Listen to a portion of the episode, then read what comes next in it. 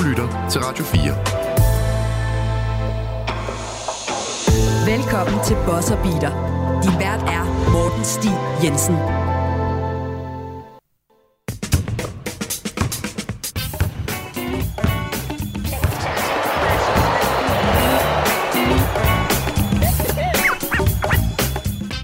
Rigtig hjertelig velkommen til dette speciale optagsafsnit af Bosserbeater. Mit navn det er Morten Stig Jensen, og øh, vi har fået lov her på programmet at lave de her seks øh, optagsafsnit, som der skal føre sæsonen ind den 24. oktober.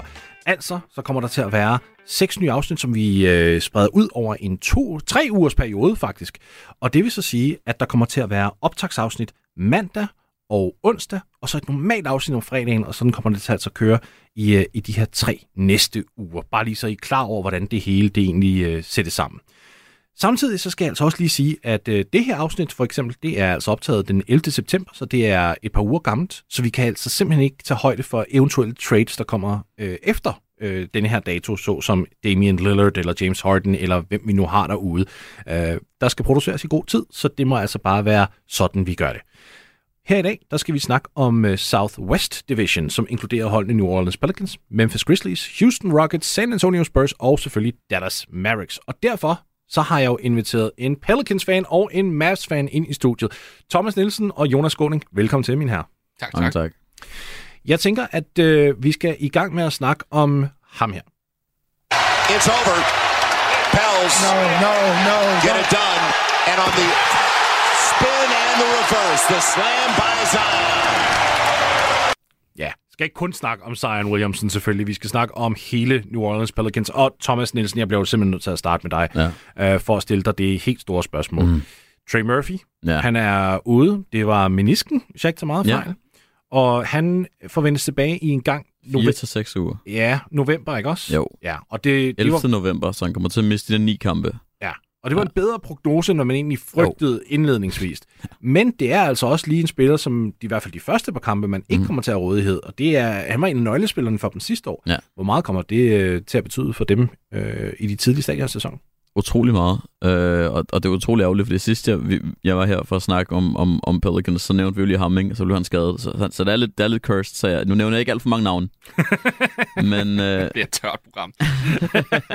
så vi skal ikke snakke om Dyson Daniels? Jo, jo, vi skal snakke om, vi skal snakke om alle, men, men, men Trey Murphy, han, han, han var jo en spiller, som der skulle til at gå ind i en, en kæmpe stor sæson for ham øh, efter det, som han slutter af på sidste sæson, som var utrolig flot. Han virkelig trådte ind i karakter og, og tog over på den fire plads, hvor sejren ikke, ikke var der så meget. Mm. Øh, 7-9-13, bank bank, han er der mere i år, håber vi. Øh, men, men de her par kampe kommer til at være vigtige for forholdet lige at starte godt, fordi at man ved jo aldrig på bagkanten, hvor mange skader der nu kommer i New Orleans. Øh, voodoo-stedet over dem alle. Ja, præcis. Og, og hvis man ikke har en Trey Murphy ja. øh, tilgængelig, og lad os nu også sige, vi, fordi igen, vi ved jo heller aldrig, hvad der skal ske med mm. Zion Williamson. Altså jo, Nej. vi har set alle de her off-season workouts, men altså igen, det betyder jo ikke rigtigt det helt store. Han ligner, han er i fantastisk form, det er super godt. Vi håber jo selvfølgelig på det bedste. Men hvis hverken han eller Trey Murphy er klar til, til i hvert fald på det tidspunkt til sæsonstarten. Mm. Hvem er det, så vi kan regne med? Øh, går man så uh, small ball og spiller Brandon Ingram som firen, eller hvad, vi, hvad kan vi være ude i der, hvis, uh, Ja. Måske endda også bare selv hvis sejren er rask. Mm. Hvem er så backup til ham? Ja, det, det, det er jo et godt spørgsmål. Utroligt godt spørgsmål. Det er jo nok, øh, det kommer nok til at være BI, der, spiller, der kommer til at spille der, eller så ja. kommer de til at spille med noget Cody Seller, øh, som, som, som er i den grad meget, meget mindre atletisk. Øh, Najee Marshall er jo stadig i at finde i New Orleans, som ja. jeg er utrolig glad for. Øh, Litten gør det alt. Good. Øh, utrolig dygtig. Øh, Herb Jones kan vel også? Ja, Herb, Herb ja. Jones kan jo også være med, fordi han, er jo, han kan, kan man jo lidt gemme lidt over det hele, når mm. han kan dække mere eller mindre alle pladser defensivt. Øh, så er det jo en ret fin en at have på holdet. Men, men, men det er selvfølgelig et stort tab, og nu håber vi ikke begge to er ude. Nu, nu, nu tager vi kun Trey for, for første gang. Ikke? øh, og så håber jeg lidt, at, at hvis det nu er, at det er en Herb Jones, der skal spille der, at man så spiller noget, noget og simpelthen spiller noget Dyson på toeren, eller noget Jordan Hawkins. For det vil jeg rigtig gerne se. Øh, sidst det sæson med, med Dyson Daniels rookie-sæson, hvor han spillede utrolig flot, der var det jo lidt, Willie Green begyndte at gå lidt væk fra ham og, og skære i minutterne, og det gik lidt ud over kvaliteten på holdet, fordi at han simpelthen var så, så godt et asset defensivt allerede fra dag i dag. Jonas, når du øh, kigger på det her hold udefra, du er jo ikke så dybt ind i det, som, som Thomas er for eksempel. Hvilke nogle bekymringer øh, kommer først til sinde, når du kigger på det her hold? Jeg tror, det er bredden. Øh, og det, nu kommer vi jo allerede ind på det med, med den første skade, ikke? og hvem skal så tage over, fordi jeg tænkte med det samme, jamen Herb Jones, han kan sagtens, altså jeg vil kunne se, om det ikke fremragende på firen, men mm. så får du igen problemet, hvis han skal bruge al sin, sin energi på det, og så, så, så mister man lidt den fleksibilitet til at gå i forskellige lineups mm. kontra hvem man møder. Mm. Øh, og, og, altså, jeg synes jo lidt set udefra, at det er sådan lidt et make it or break it over for den kerne, de efterhånden har samlet. Altså nu, nu skal det også føre til et eller andet. Øh, for de har talentmassen til det, og hvis det endnu en gang skal være skader, der, der ødelægger det, så man kan jo ikke blive ved med at sige, men lad os give det indtil næste år, se når vi er raske, fordi det er bare ikke rigtig noget, man kan bruge i NBA, fordi at være raske, det er faktisk bare krav for at have succes. Ja. Så, så det er i år, øh, og det er øh, mere end nogensinde afgørende, at de holder sig raske, fordi så det, det er der brug for, hvis bredden skal kunne føre dem langt ind i playoffs. Mm. Jeg, jeg synes, det er sjovt, du siger det der med, at det er i år, fordi det er også, hvad ledelsen har øh, sendt mm. indikationer ud til. Der er, der er jo mange, der kigger på Pelicans, altså fans, øh, der ligesom tænker, at de har noget tid. Men ledelsen selv er, er godt i gang med ligesom at sige, prøv at høre, det er, ja. det er ved at være tid nu til, at vi skal vise nogle ting, fordi vi, og hvis vi ikke viser det, som vi håber på at vise i år, mm. så kan vi altså godt måske se nogle, nogle ret store ændringer. Thomas, hvilke nogle ændringer kan det være? Altså, er det et, et skifte på point guard position? Er det CJ McCollum, der skal ud? Så hvis, hvis det viser sig, at det her hold ikke lever op til forventninger, eller, eller, eller er døren helt åben til business fra top til bund? Det vil jeg næsten mene, at den er. Altså, den, den, altså selv sejren vil, vil muligvis være en, man kan rykke, fordi han ikke rigtig har kunne formået at holde sig skadesfri mm. på nogen som helst måde øh, i hans karriere. Ja. Men, men ja, jeg tænker, alle, alle er stort set ikke nødvendigvis på bloggen, men til at få fat i, hvis det rigtige bud kommer. Øh, nu har jeg et rigtig godt øje til Brandon Ingram, og han er jo absolut favoritten af dem alle, øh, fordi han simpelthen har den der on-switch, hvor han bare lige kan gå fuldstændig ild på, på banen. Øh, og, og, og selv ham vil være en, man, man potentielt skulle bevæge sig væk fra, fordi at det, det, det har jo været et, et, et skadet helvede for sit liv. Men, men, men så igen, det er jo ikke noget nyt, fordi det var der jo med AD, og det var der jo med Chris Paul, og så går vi længere tilbage, ikke? Men, men, men altså, det er ved at være dårlige undskyldninger nu. Nu skal der blive taget noget ansvar, og, og det skal resultere i, i sejre. Fordi at kernen er der, og i den division, som, som jeg mener er, er ret svag, øh, i forhold til, hvad vi har set i 0-0'erne eksempelvis, var det en af de bedste divisioner i hele ligaen. Nu er der stort set kun Dallas, som jeg tænker er bedre eller lige mm. så gode. Så sidste spørgsmål, inden vi går videre til, til Memphis. Hvad er en acceptabel sæson øh, i din optik for New Orleans Pelicans? Det er et playoff seed, som der ikke er play-in, men over det. Altså top 6, mener ja. du? Ja.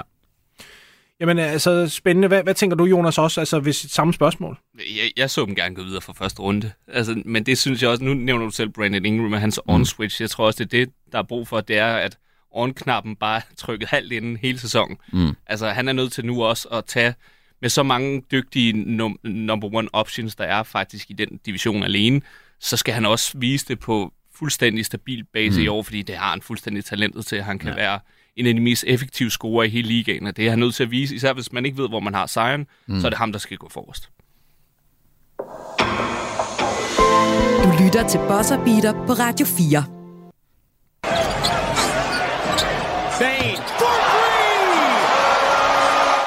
Desmond Bain, og det var en, der er en grund til, at jeg ikke tog uh, Ja Morant highlight frem her, fordi ja. han er jo ude de første 25 uh, øh, kampe på grund af en suspension. Uh, det har vi snakket om nok i tidligere afsnit, så der er ikke nogen grund til at gå tilbage og gå hele den situation igennem. Mm. Men det betyder jo selvfølgelig, at uh, der skal findes en, en, uh, en number one guy uh, for Memphis, i hvert fald i de første stadier af, den, af grundspillet her. Jeg bragte Desmond Bain op her i lydklippet, fordi jeg tænker, at han nok kommer til at være den primære skudtager. Men jeg vil heller ikke lukke muligheden for, at Jaron Jackson Jr. måske er mere øh, involveret offensivt. For eksempel, hvis altså han kan holde sig på banen, fordi han fejler stadigvæk så meget. Ja. Øh, Jonas, hvem tænker du er, er, det, er, er de to, der giver mest mening for, øh, for, for Grizzlies, ligesom at give bolden i hænderne og sige, producer? Jaron Jackson Jr. Okay. Øh, alene fordi jeg ikke tror på, at Desmond Bain kan løfte opgaven. Altså, jeg, har ikke troet på ham nok til at være en number two option, som, jeg lidt, som de jo nærmest lidt har betalt ham til at være. Eller jeg tror ikke, der er noget lidt over det. Det har de i hvert fald. det var for at være lidt sød ved, ved Memphis. Men øh, Nej, jeg, jeg, jeg tror ikke på ham. Øh, jeg tror, han er en number three option på et mesterskabshold at best. Øh, så i denne sæson, især de, når, når de ikke har Jam Rain de første mange kampe, så skal Triple J, han skal tage skridtet op. Øh, og han skal vise noget mere offensivt, han skal være mere stabil der. Nu har han vist, hvad han kan defensivt. Nu er han også nødt til at bygge på i, i resten af sit spil, fordi det, det har de brug for. Jaron Jackson Jr., uh, må vi jo sige, havde en uh, ganske forfærdeligt VM. Uh, kunne ikke holde sig på banen, er nærmest allergisk for at rebounde, og det har været et problem også gennem hans NBA-karriere. Mm. Altså, han, han rebounder simpelthen ikke nok, mm. Thomas. Hvad, hvem skal, hvem skal ligesom gå ind og være øh, det her anker, der... En ting er, at Jaron Jackson Jr. er et fantastisk defensiv spiller, og mm. alt det her, men, men hvem skal gå ind og få rebounds? Er det kun Steven Adams egentlig, som man kan man kan stole på her, fordi vi ved jo ikke med Brandon Clark, hvordan han lige så han gik jo ned med en rimelig seriøs skade ja. her sidste sæson. Vi ved ikke, hvilken tilstand han er i, når han vender tilbage. Altså, er, mm. er, det, er det Steven Jackson, eller undskyld, Steven Adams selvfølgelig, mm. og Jaron Jackson? Er, er, det, er det de to, og that's it? Det, det, det ser sådan ud. Øh, jeg kan ikke rigtig se, om det ellers skal være. Men, men jeg synes, det er, er et ekstremt spændende spørgsmål øh, at stille, fordi at der er en masse, jeg tror aldrig, der har været større spørgsmålstegn ved den her trup, eller det her hold før øh, i år, med, med Jars suspension, og hvem skal tage ansvaret, hvem skal gøre det. Nu sagde Jonas øh, og Jaron Jackson Jr., altså den, Desmond Bain er måske lidt mere oplagt for mig, og det håber jeg også kommer til at ske, selvom jeg deler præcis samme mening som Jonas. Jeg tror ikke, han kan løfte opgaven. Jeg håber det dog, fordi jeg er fan af den hold i divisionen. Men altså, det er jo øh, ekstremt spændende at se Memphis nu, for jeg føler lige siden jeg er kommet i ligaen, har de taget skridt og skridt op ad trappestigen, men nu så ser det lidt stejlt ud nedad. Så jeg ved ikke, hvem der kommer til at løfte opgaven, og jeg har meget svært ved at se, hvem der, hvem der virkelig er manden på holdet der. Ja, Jonas, jeg kan se, du... Uh... Ja, men det er mere fordi, jeg tror, jeg skal, vi skal tilbage til helt... Jeg tror, det var første gang, jeg var med i det program her, hvor vi snakkede Jam Rand omkring hans MVP, om han burde være en kandidat, hvor jeg sagde nej. Mm. Øh, fordi jeg ikke følte, det førte til noget. Og sådan har jeg det egentlig stadig med Memphis. Jeg føler ikke, der er noget, der har ændret sig. Jeg vil aldrig nu, selvom de, de kan vinde nok så mange kampe i den regulære sæson, jeg vil aldrig tro på, at de kunne slå nogle af de bedste hold i playoffs. Ikke med den nuværende konstruktion, de har. Bare kigger på deres rebound stats. Nu sidder jeg lige og kigger på top 3. Der er Steven Adams, 11,5. Nummer 2, Jaron Jackson Jr. på 6,8. Og så kommer ja. Moran 5,9. Det er deres top 3, ikke? Mm. Altså, og så igen, hvis man ser, hvem skal så skabe spillet, når det ikke er, så Tyus Jones, der ligger på 5,2, som er den næste. Mm. Der skal, altså, jeg kan simpelthen ikke se, hvordan det skal kunne udmønte sig i noget, der mm. ligner succes for dem. Nej, der, der er mange huller i den roster. Ja. Og, og der skal lappes. Det kunne være en trade, man skulle sende afsted og prøve at få en, få en spiller ind, hvor man kan hive nogle rebounds fra, fra wingen for eksempel. Mm. Jeg tror, en spiller som Josh Hart vil være ekstremt god der, øh, hvis man kunne det. Men, men jeg har utrolig mange spørgsmålstegn, som der skal blive besvaret her i starten af sæsonen. Øh, og så må vi se, om de kan nå at, at, at være jævnbyrdige nok til, til Jar kommer tilbage, men igen, altså, hvad så, når vi kommer til, til maj, og og de skal spille playoffs. Og jeg, jeg tror, de kommer til at være aktive ved trade deadline, og jeg ja. tror, at den spiller, som de har øh, understreget 15 gange, det er Michael Bridges. Og, og OG ja. Ananobi. Og, og det var nemlig mm. det. Jeg tror, OG er deres backup plan til Bridges, og jeg tror, jeg tror heller ikke, de får Bridges, for nej, jeg tror, nej, de har de nødvendige derude. Mm. Præcis. Men jeg tror, OG er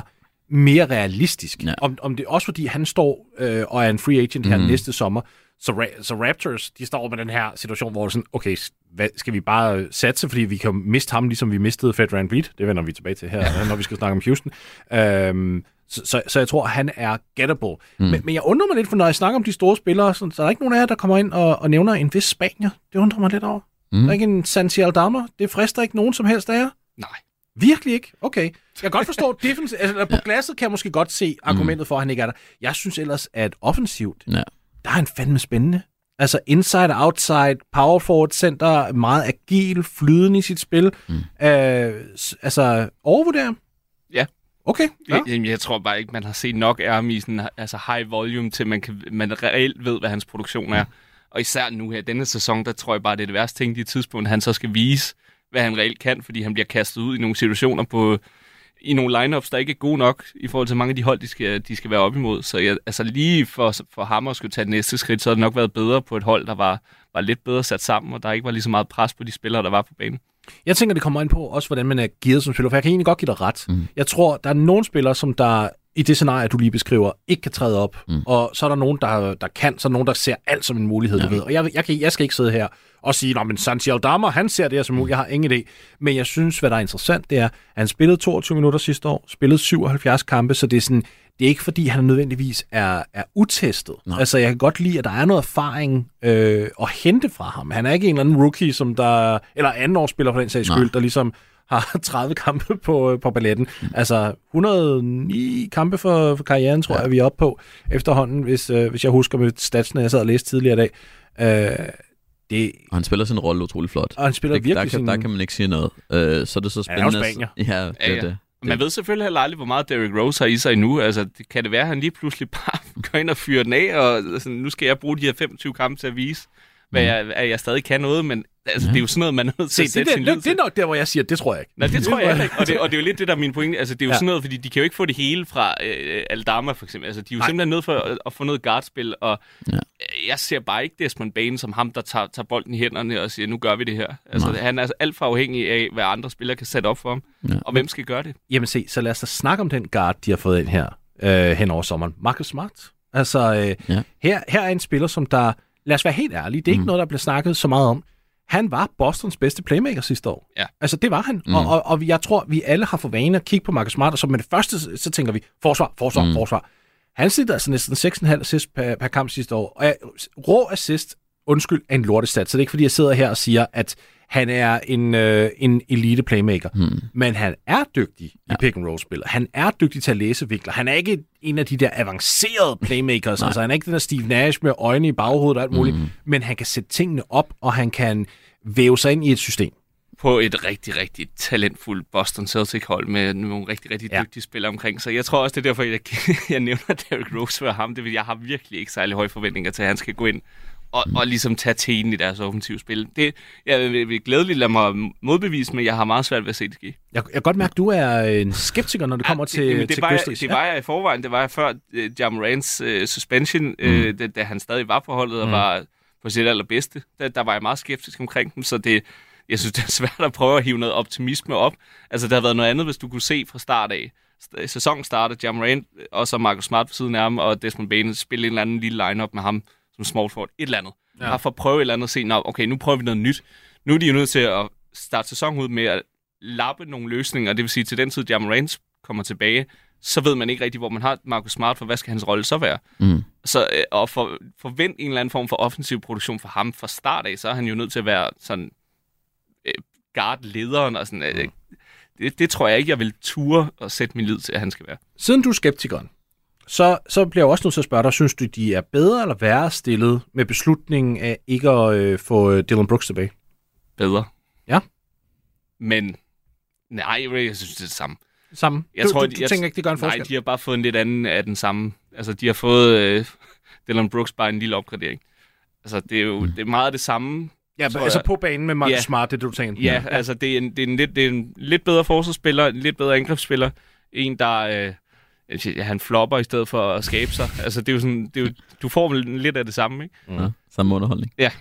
Men Dylan Brooks var der bare ikke lige så høje forventninger til, som der kommer til at være på, på Marcus Smart. Men Thomas, altså, hvis vi nu kigger på, på Dylan Brooks her, så Ja. ja. de, de kan være ude og sige lige efter sæsonen, Mm. at Farvel og tak. farvel og tak. Øhm, og, og jeg tror, en af grundene til, at de prøvede at lave den her ændring, det Mm. var, at, at holdet blev lidt for meget en, en punchline. Det blev lidt for meget sjov og, og spas, og mm. for Mm. meget i medierne og alt muligt. Det, det virker som om ledelsen egentlig gerne vil tilbage til det her, vi skal være et seriøst basketballhold. Ja. Vi skal ikke have alle de her distraktioner. Vi skal, vi skal fokusere på produktet på banen, og det er det. Ja. Marcus Smart, man kan, se, man kan sige, at han er provokatør, Mm. men han er ikke en, der snakker så meget i medierne. Det gør Nej. han ikke. Han er, han er meget professionel uden Ja. for banen og alt det her. Så er de sluppet af sted med den her distraktion, eller er bare det at have Ja Moran på rosteren nok til, at de stadigvæk kan finde sig selv i en masse overskrifter, som de ikke Ja, det, det, er mere nok. Jeg stadig har jar. Det vil jeg mene. Øh, selvfølgelig er det en bonus at, at få, få Dylan Brooks væk, fordi at han, han gjorde jo absolut intet godt for holdets image eller noget som helst. Eller for sig selv. Men, men, men så længe man har jar på holdet, og der er absolut ingen tegn på modenhed eller forbedring, øh, så, så tror jeg stadig, at de har et ry, som der er svært at shake med ham på holdet. Hvor, øh, ikke fordi vi skal komme med forudsigelser, for jeg synes altid, det er sådan en lidt kedelig øvelse, for ja. Man ved aldrig, hvad der kan ske på grund af skader i ligaen Mhm. og sådan nogle ting. Men hvad, lidt, lidt det samme spørgsmål som tidligere med Pelicans. Mm. Hvor vil det være acceptabelt, at Memphis de slutter henne her i år, hvis du også tager med i mængde, at man ikke har en, en All-NBA-kaliber point guard øh, de første 25 kampe på, Ja. Ja. for sæsonen. Men, men jeg tror stadig, at de kommer til at, at kunne, kunne være fint nok med i regular season. Så altså, som minimum et play, play-in hold i Vest. Minimum et play-in, og hvis Ja. de er uden for play-in, så er det en skuffelse. Ja. Ja. Jonas? Altså, jo, jeg tror, de vil være skuffet, men altså, det vil ikke komme bag på mig, hvis de ligger lige ude, altså e- en Mm. eller to kampe uden for play-in. Men det er deromkring, de ender. Altså, der, der vil stadig være nogle hold, der er så tilpas dårlige, at de vil få svært, uanset hvor meget de prøver at, mm. at være dårligere end dem, men der er så også nogle hold, der er blevet bedre. Ja, og, men, altså, jeg håber lidt, de er dårlige, for så håber jeg, vi får lidt mere at se til Kenny Lofton ikke? Du lytter til Buzzer Beater på Radio 4. Working on top of He just worked him. He worked him again,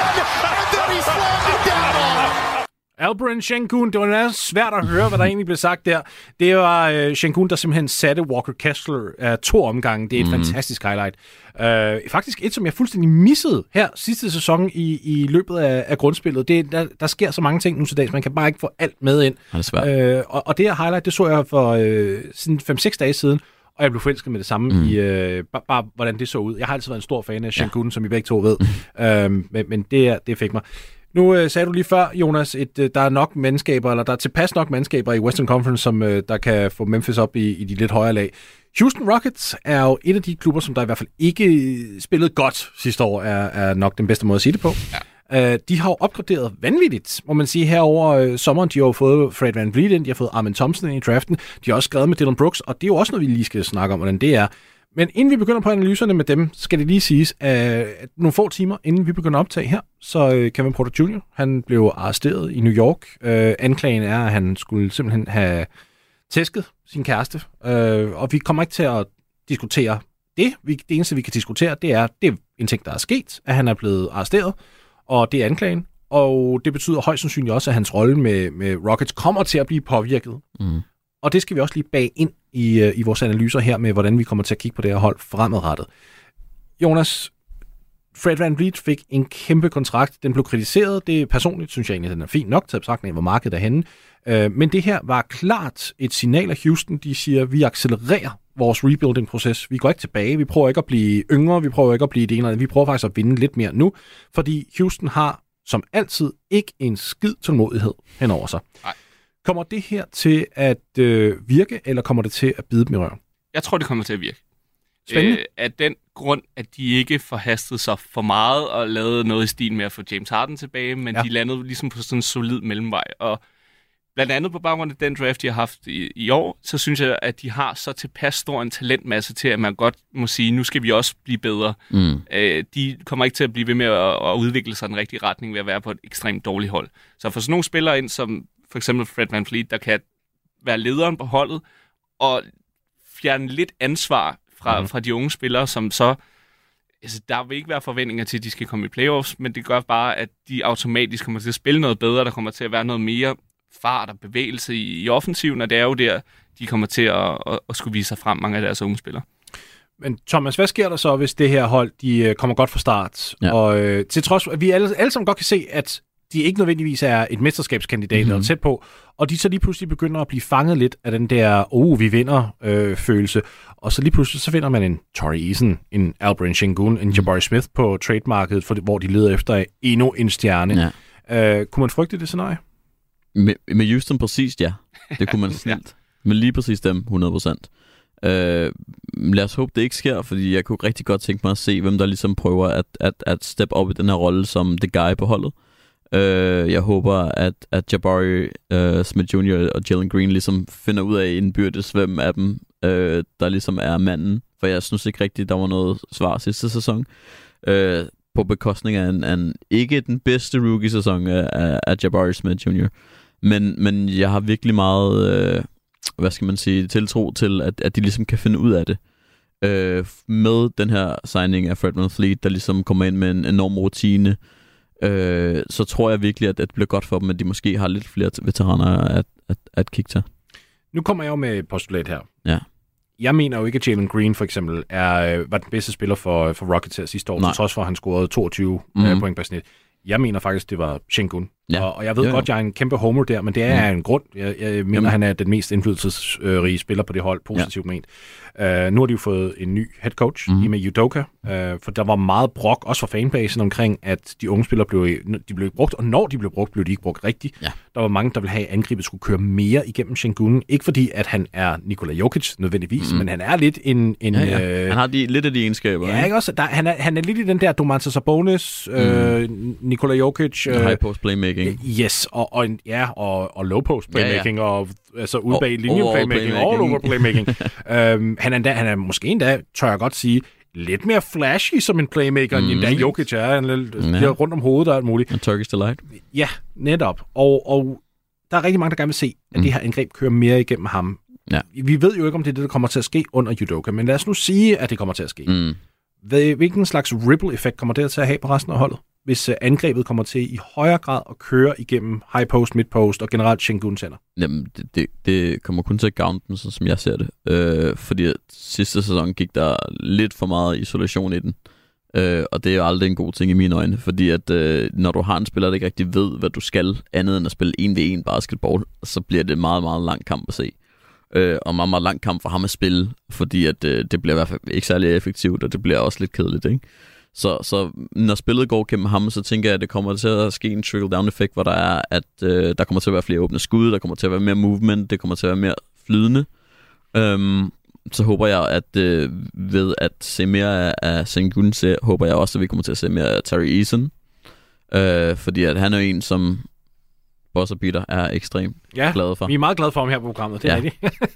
øhm, så ham håber jeg, at vi ser mere til. Øh, nu har de nogle, nogle lidt flere skytter, øh, føler jeg, som der er ikke alt for triggerglad, udover Jalen Green. Mm. Øh, men jeg håber virkelig, at, at, at der kommer til at ske mere spil gennem ham, fordi at med Jalen Green i isolationsbold, så fører det ikke rigtig sådan noget. Så jeg tror, de får et ekstremt spændende hold.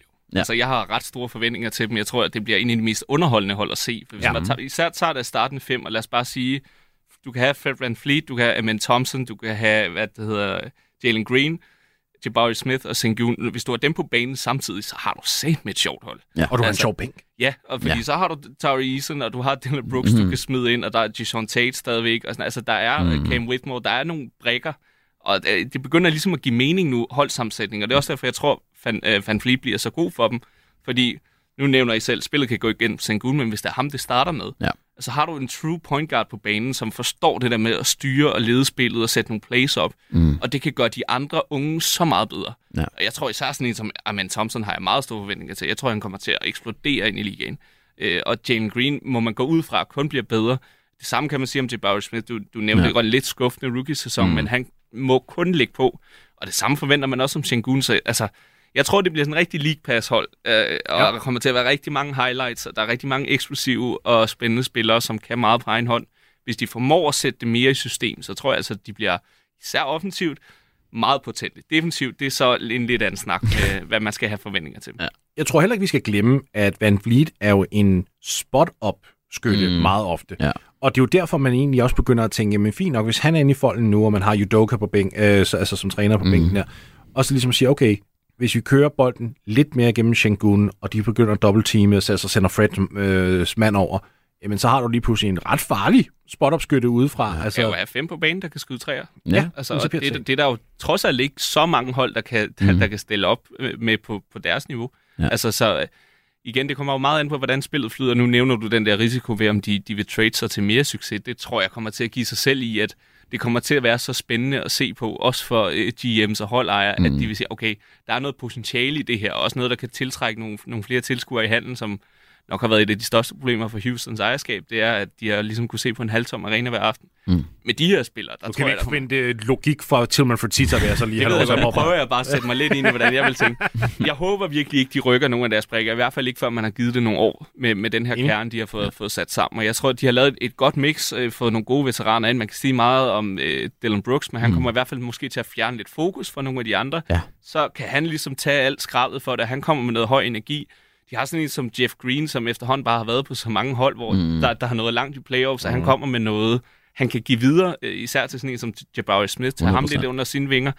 Så jeg tror altså, at de bliver bedre, end mange går og, og regner med, inklusiv altså, måske dem selv. Ja. Og, og læg mærke til, at vi i vores samtale her faktisk slet ikke nævnte Kevin Porter Jr. involveret. Altså, det, det, mm. man kan prøve- brede. De er brede, det er der. Ja, altså, du, du kan mere eller mindre bare erstatte hans minutter med Armin Thompson, for eksempel. Mm. En ting er, øh, nu sagde du, at du tror, at han rammer ligaen altså, som, som en raket her, altså mm. Armin Thompson. Jeg kan nok være en lille smule bekymret over, at, at skuddet, skuddet er der ikke endnu, så jeg mm. tror, der går et år, før han virkelig tager fart. Jeg tror, at vi kommer til at se defensivt. Der tror jeg, han rammer ligaen med det samme, ja. og er en plus forsvarsspiller, hvilket jo ikke, man kan ikke sige det om alverdens rookier. Mm. Så, så der er jeg enig. Offensivt tror jeg dog, vi, vi, vi nok Lidt lige, ja. lige skal vente, i hvert fald lige have en lille smule tålmodighed. Mm. Men du nævner Dylan Brooks. Jeg synes jo, det er interessant her, fordi at da vi sidder, Daniel øh, Hector og jeg, da vi sidder og laver, øh, hvad hedder det, free agency Ja. specialafsnit, der sad vi jo og snakkede om, at vi kunne godt være en anelse bekymrede for at tage Brooks og smide ham på så ungt et hold som Rockets, fordi han netop havde en, lad os nu være ærlig, en negativ effekt på Memphis Grizzlies. Mm. Om han så ligesom kommer til at have den der negative ripple-effekt på et ungt hold, og måske begynder at stjæle overskrifter igen, hvor man tænker, har, har, et, har et så ungt hold brug for alle de overskrifter der? Stoler I på, og jeg, jeg spørger dig først, så ja. stoler I på, at Dylan Brooks nu ved et holdskifte til Houston måske lige kan køle lidt ned, og måske sige, okay, det handler ikke om mig. Det stoler jeg ikke på. Det stoler jeg ikke på. Jeg stoler nødvendigvis ikke på. Jeg jeg stoler på, at det bliver kølet lidt mere ned i den forstand af, at der ikke er en Jamorant i, i, i nakken på Ja. ham, der ligesom gør af ham og siger, kør på, kør på, kør på. Ja. Nu er det lidt øh, mere, altså Jabari Smith virker for mig utrolig øh, chill og ligesom tilbagestående, og Samme med Jalen Green, faktisk. Ja, de Ja. er faktisk meget grounded begge Ja, to. ja. Men, men lige med Jabari også, så tænker jeg, at for ham vil det bedste være, at han kunne få noget selvtillid og tro på sig selv, for det er det, hans spil virkelig lægger. Mm. Hvis han får det, så bliver det første problem for ligaen, ikke? Øh, fordi talentet er der. Det har vi set. Ja. Øh, mener jeg i den grad. Men, men med Dylan Brooks, så er der jo stort set kun ham, han kan råbe af, og, og, og med Kevin Porter Jr., øh, som vi ved jo ikke, hvad der kommer til at ske der, så tror jeg ikke, det kommer til at være det store problem, ligesom det var i Memphis med Jabba i ham. Jeg tror, altså det du siger, det, det er helt nøglen, fordi hvis, hvis man får VM-udgaven af Dylan Brooks, Mm. Ja, det er jo en helt anden spiller. Ja, men ja. Ja. det er det der med, at, og man kan sige meget om ham. Han, han gav sig altid 110% på banen. Altid. Og det er nemlig det, jeg tror, at det hold har brug for. Det er, Mm. at der er en, der skal sætte standarden for, hvad er det for en indsats, man ligger for dagen. Fordi det var godt nok et problem for dem sidste år. Altså, du anede ikke. Og det har været alt fra Jalen Green til Jabari Smith til hvem som helst, der var på banen. Mm. Du vidste ikke, om de havde lyst til at spille den aften. Ja. Ja. Det tror jeg er sådan en som ham, kan gå ind og hjælpe til at ligesom gå forrest hver evig eneste aften. Mm. Og det har de altså bare brug for. Mm. Og, og, og det tror jeg kommer til at smitte af på en positiv måde. Netop nogle af de der, som Jabari Smith og Jalen Green, der måske har været sådan lidt lavet i deres Mm. attitude, og gå ind og ligesom få en eller anden en lille hype man til at Ja, sige, ja, nu men kører du er på." god. Altså, Ja. nu gør vi det her. Vi kan sagtens vinde. Det tror jeg bliver godt for dem. Og så også for at runde af på samme nær som øh, de andre, hvad, hvad er forventningen her? Hvad, hvad skal vi være tilfredse med for, for dem af? Jamen, det tilfredse vil være, at, at, at de vinder flere kampe end det sidste år. Okay. Øh, Det, det er baseline-forventningen. ja, for, ja. Min, for mit vedkommende. Og så de spiller, de spiller mere mod en basketball. ja. Så de skal bare ikke tabe 60 kampe, er det, du siger. Ja. De skal bare blive mere stabile, vinde flere kampe end sidste år, og så, jeg vil, det kan jeg lige allerede nu, sådan en lille prediction, jeg vil ikke være chokeret, hvis de havnede omkring play-in-spillet også. altså det, jeg vil sige, det er en meget, meget svær conference at bryde igennem i Mm. West. Øh, så jeg vil nok være en smule overrasket. Men altså, jeg kan også se et scenarie, hvor alt går op i en større enhed. Med det sagt, i hvert fald for hvor jeg sidder, så tænker jeg, at det skal bare ikke handle om sejr og nederlag. Jo, selvfølgelig vil vi flere end de 22, ja. det er klart, vi skal kunne se fremgang til en vis mængde. Men for mig handler det stadigvæk mere om noget kontinuitet, mm. og det handler om ungdomsudvikling. Problemet er bare, ejerskabet i Houston tænker ikke sådan. Nej. De tænker sejr. Ja, men det er det, de er trods alt stadig tidligt i deres rebuild, rebuilding-processer. Er ejerskabet med på den, så er succeskriteriet jo bare at se udvikling, og det er for alle spillerne, og det er også i sejrskolonnen. så må vi jo bare se, om ejerskabet er med på det hele vejen igennem, fordi det handler Håber om, jeg. Ja, men det er det, fordi det handler om at følge igennem. Altså, en ting er, at man kan sige en masse ting til medierne, og så går der en halv sæson, og så, bliver, så begynder man at panikke, og hvis vi har set en ejer i NBA gøre det førhen, så har det været Tillman Fertitta, så ja. Jeg tænker, vi alle sammen bare øh, holder os en lille smule tålmodige. Du lytter til Buzzer Beater på Radio 4. Lamont Waters setting up. Konate missing the three, and that will be kept in play by Wembenyama. Another highlight reel kind of play for number one. Hvem er det? Ja, hvem er det? Jeg har ingen idé. Hvilket hold er det, vi skal snakke om? Jamen altså, det, det er jo ikke nogen hemmelighed, at Victor Wembanyama har været et, øh, et hyppigt emne mm-hmm. øh, på programmet her.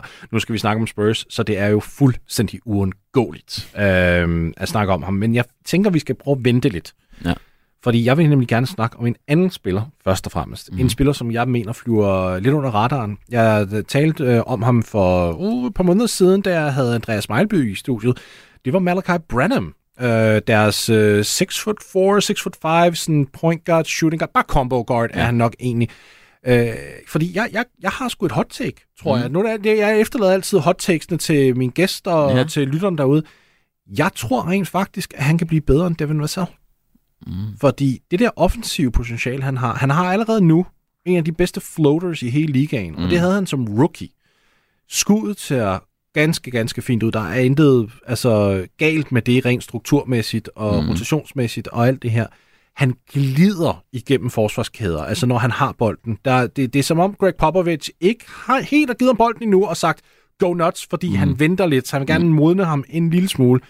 Men jeg har altså en rimelig stor fidus til Brenham. Altså, jeg tror, han kunne blive den der score. Vi alle sammen vi sidder og snakker om, at oh, Wembanyama, han skal jo nærmest score 20-22 point for første øh, sæson af, for ligesom at, at det her Spurs-hold kan, kan blive til noget.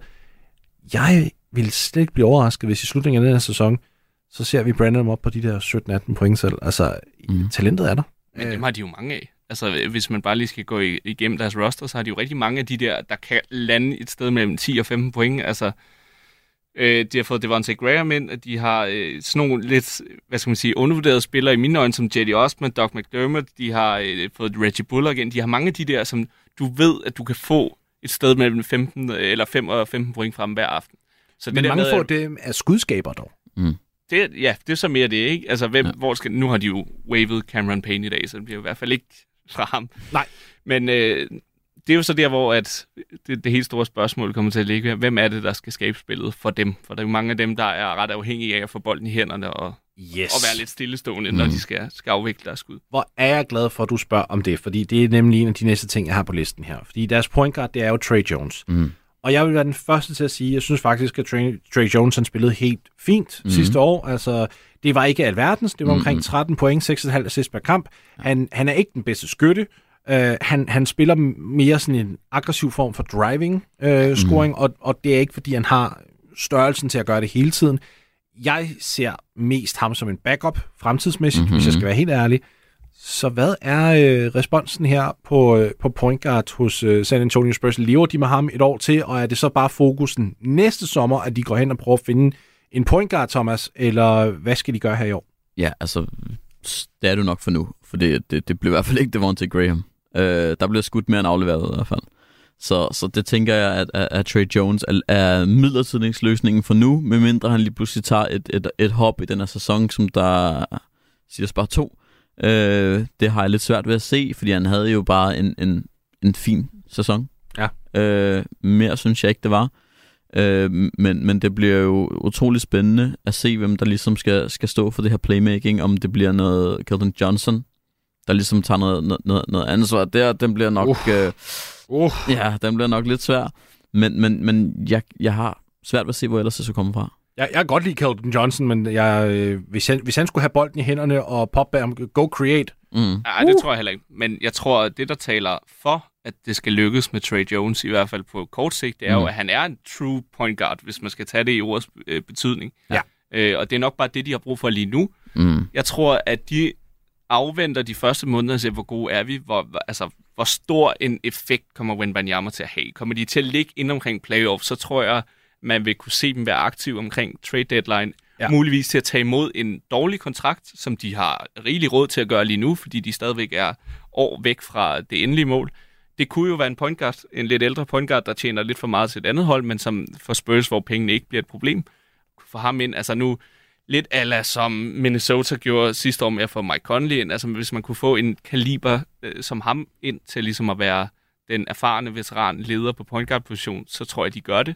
Mm. Men ellers så er det bare at se, hvordan det kommer til at udvikle sig. Hvem kommer spillet til at gå igennem, hvis men Banyama skal spille power forward, så kan det jo være, at de, de rykker øh, så meget af spillet igennem ham, og så er det jo ikke så nødvendigt, at der er en point guard, der ligesom løber rundt med bolden i 20 sekunder.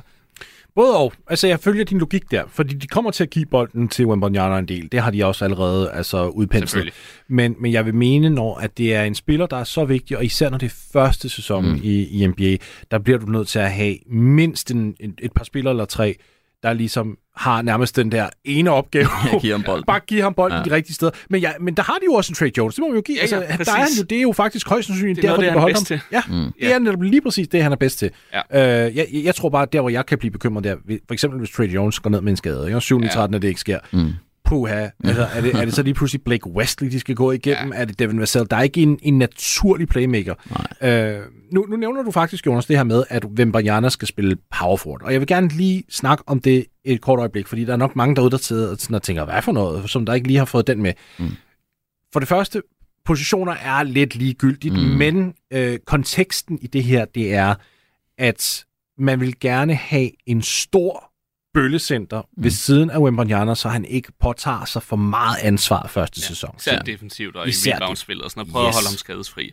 Præcis. Hvilket giver rigtig god mening, og det vil også kunne sætte ham i nogle matchups rent offensivt, der vil gøre det rigtig svært for Ja. mange hold, Ja. fordi hvordan fanden skal du dække ham op, ikke? Jo. Øh, en anden, som jeg jo, altså sidste år havde jeg store forventninger til ham, jeg troede, han ville blive meget bedre og udvikle sig hurtigt, det er Jeremy Sohan.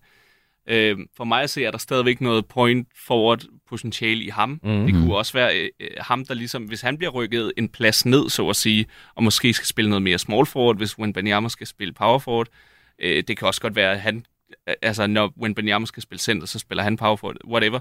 Han har altså et eller andet i sig. Øh, han tog ikke det skridt, jeg forventede, han ville gøre. Mm. Jeg tror, han ville være bedre fra start af. Det Nå, kan jo være. Jeg, jeg, jeg, den må jeg, jeg undsker op på, den bliver jeg simpelthen nødt til at forstå. Du, ja. Ja. du var skuffet over hans rookie-sæson. Ja, men det var fordi, jeg havde så tårnhøje forventninger til ham. Og jeg, jeg synes også, at han, han, han, han indleverede så flot øh, en indsats hele året lang. Det gjorde han også. Jeg troede bare, han ville altså, blive en af dem, der var sådan... Altså, Og helt, helt opad. Ja, Okay, det var, og, og det var så det, der var min pointe. Det tror okay. jeg faktisk godt, han kunne ende med at gøre i år. Ja. Øh, og hvis han gør det, som lad os bare sige, øh, lever op til mine forventninger fra sidste år, øh, så tror jeg, han kommer til at få bolden rigtig meget i hænderne. Ja. Øh, jeg tror godt, han kunne hen at blive lidt deres sådan, Draymond Green-agtige øh, power forward. Det tror jeg i hvert fald også, at det de håber på. Jeg tror, mm. nu, nu du nævner det med, at han kunne blive rykket ned på træerne. Jeg kunne godt frygte det scenarie en lille smule af en grund. Han er jo ikke en skytte. Nej. Mm. Og Wembanyama ved vi heller ikke endnu, om han er en skytte på NBA-niveau endnu. Ja, men det er jo netop med, hvis han Ja. viser sig at være det, så vil det give På rigtig god måde. mening at rykke ham ned Ja. som træer, fordi så mister du ikke lige så meget Og ved det at have... kompromis. Nej, men så vil du stadigvæk have for eksempel en Charles, Charles Bassey for eksempel på centerposition. Ja. Det, det vil lige pludselig være at have to non-skytter inde på banen, og det, mm. det tror jeg også bare er... Til gengæld, hvis man så har, lad os sige, Vassell og Keldon Ja. ja. Johnson til at spille noget flydende guard-agtigt, så er det lige... Ja, du kan jo ikke have Trey Jones på... Nej, men det er, ne- Ja. ja. det er nemlig i, i et scenarie, hvor det skal være Jeremy Sohan, der fører bolden op. Ja. Øh, Hvor at du så har skytter omkring ham. Det er interessant, fordi så skal du være sikker... Altså, du skal have mindst to skytter derinde, som du selv siger. Altså Vassell og Johnson for eksempel. de skulle spille guards. Ja. Ja. Og, så, er, og så glemmer man af, af positioner og siger, at der er ikke nogen point Ja. guard. Der, er- der er to skytter, og der er Wembanyama, og så er der en, der rebounder. Og så er der Jeremy Sohan, der prøver at skabe et eller andet.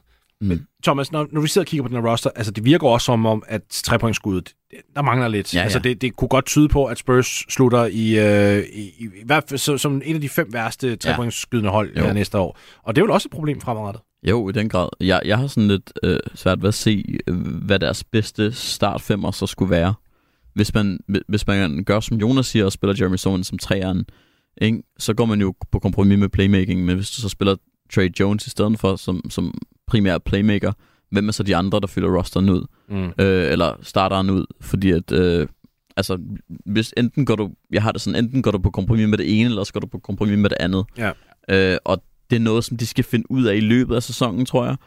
Øh, og der er der ikke rigtig noget svar på nu i, i min optik. Det er nok også derfor, de har hentet de veteraner, end de har. Ikke? Ja. Altså, Reggie, Reggie Bullock, Bullock til træerne. Først Ja. og fremmest, de havde øh, Doc McDermott i forvejen, Mhm. mm. øh, og så man kan sige, en spiller som Jetty Osman har jo også tidligere i, i Cleveland spillet noget form for point forward og ført bolden op, og det kan han også finde ud af.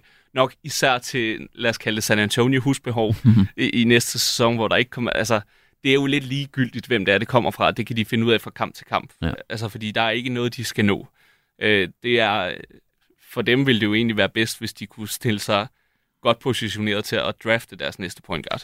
Det, den tanke har jeg nemlig også haft. Mm. Jeg tror, det strider imod alt, hvad Spurs selv prøver at gøre, men jeg er ikke nødvendigvis uenig. Hvis jeg var dem, ville jeg nemlig også bare sige, prøv at høre, den her sæson, den handler om at øh, integrere Victor Wembanyama på bedst mulig vis. Mm. Og så må vi løse alle de problemer, vi finder ud af. Jeg skrev faktisk en artikel om det her på Sports Illustrated for noget tid tilbage, hvor jeg mere eller mindre sagde, at den, den, den her sæson, der kommer nu, den, den, den skal være åben til eksperimenter. Ja. Og så finder man simpelthen ud af, hvilke nogle spillere beholder vi, hvem beholder vi ikke, hvilke nogle områder skal vi blive bedre til på vej ind i år to.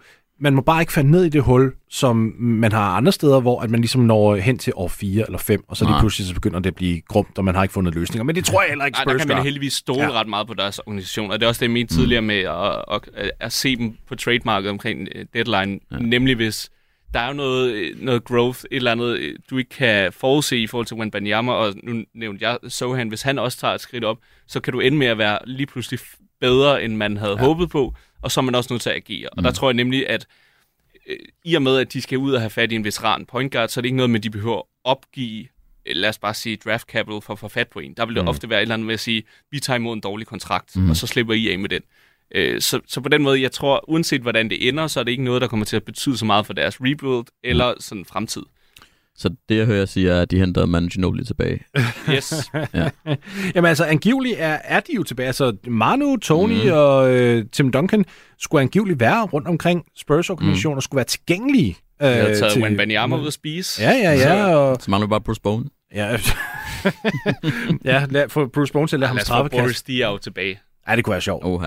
Ej, jeg, tror, jeg tror, ved du Han hvad? må stå for kaffen i omklædningsrummet Ja, det tror men jeg, jeg tror også, han er på, speed, på Wemby Speed Dial. Men de manglede Ja, også en center, ikke? Så de kunne Jo, hente jo, jo. Thi- Thiago Splitter. De kunne gå helt tilbage med den gamle tro.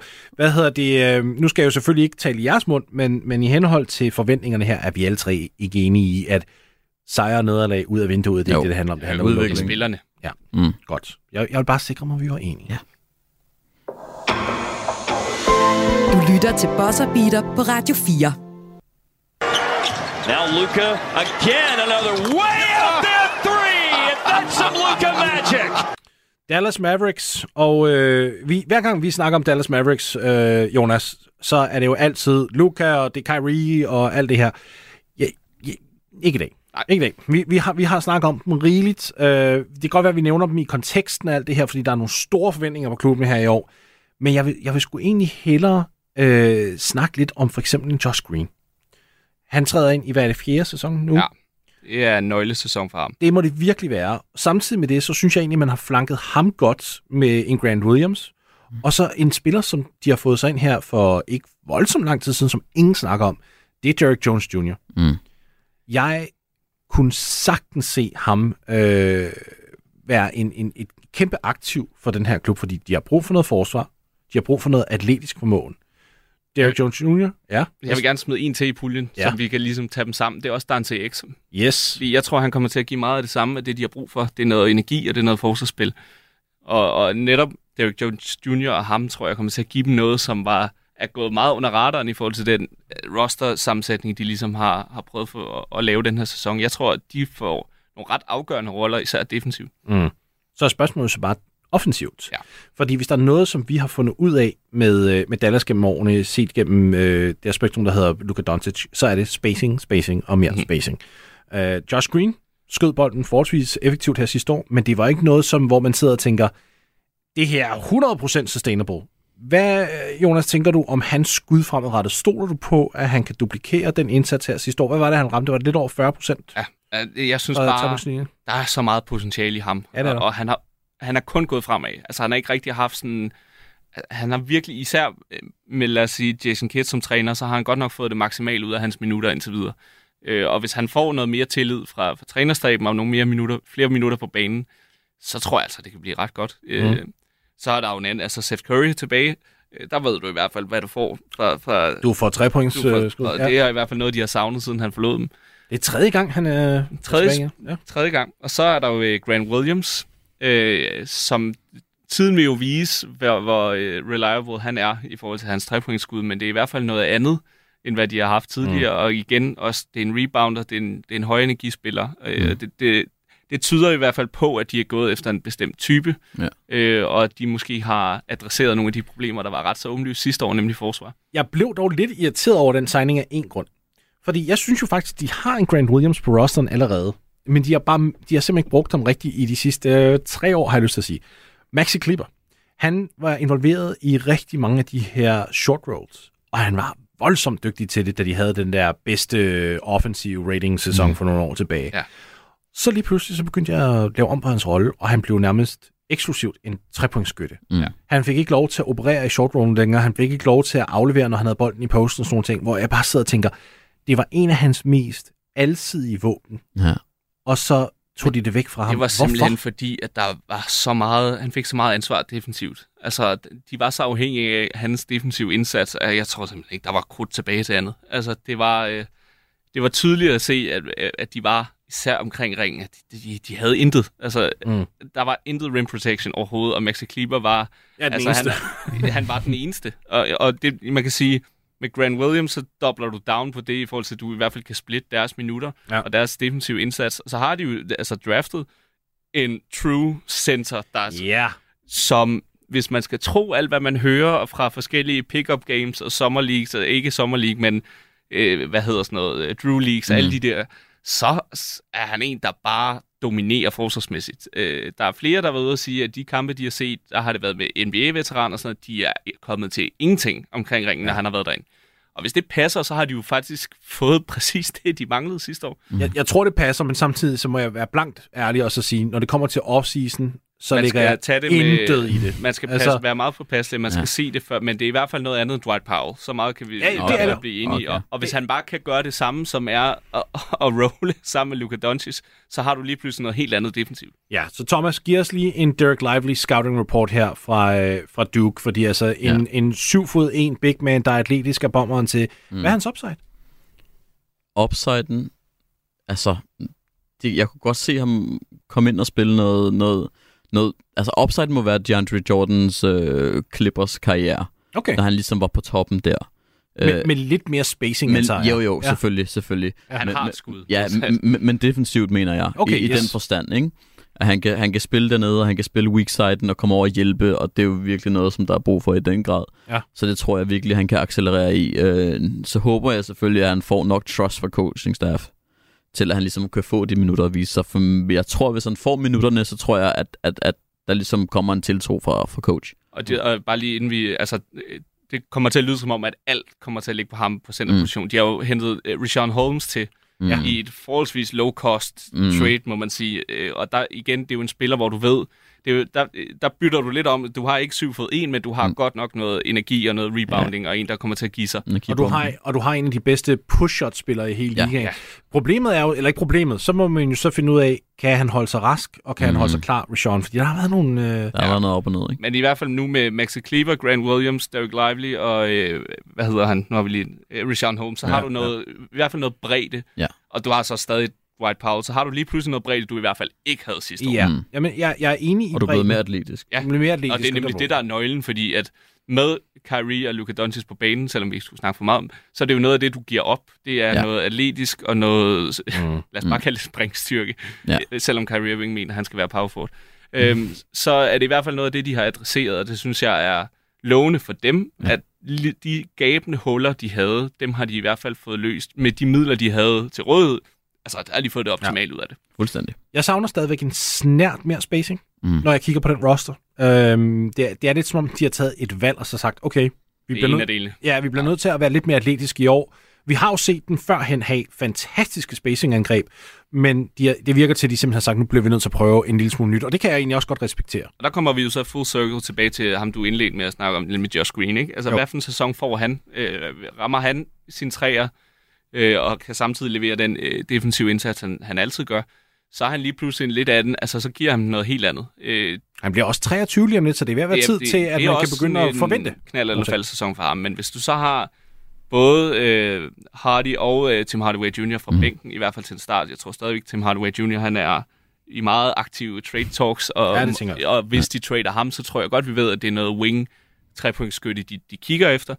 Øh, men de har i hvert fald et eller andet. Hvis vi øh, lige skal samle op på det her, vi har øh, 40 sekunder tilbage. Hvad er øh, den realist? Hvad, hvad er OK forvente fra Dallas Mavericks? Altså, øh, et, en solid placering inden for i playoffs. Altså noget Top omkring, seks. Ja, top Ja. 6. Ja, Hvad tænker jeg, du, jeg, har, Thomas? jeg har det på samme. samme Jamen, jeg er fuldstændig enig. Det var bosseren, og øh, det var det første af seks øh, optags, speciale optagsafsnit, simpelthen, hvor vi dækker en øh, division i hvert afsnit. Det her, det var jo Southwest Division, hvor vi øh, gik igennem henholdsvis New Orleans Pelicans, Memphis Grizzlies, Houston Rockets, San Antonio Spurs og Dallas Mavericks. Thomas Nielsen, Jonas Skåning, tusind tak, fordi I var med i dag. I kan høre det næste afsnit øh, af Optagsspecials her i overmorgen på øh, onsdag, og så husk, at det er altså normale afsnit om fredagen. Indtil vi snakkes igen, pas rigtig godt på jer selv derude. Du lytter til Bosser Beater på Radio 4. Du har lyttet til en podcast fra Radio 4. Find flere episoder i vores app, eller der, hvor du lytter til podcast. Radio 4.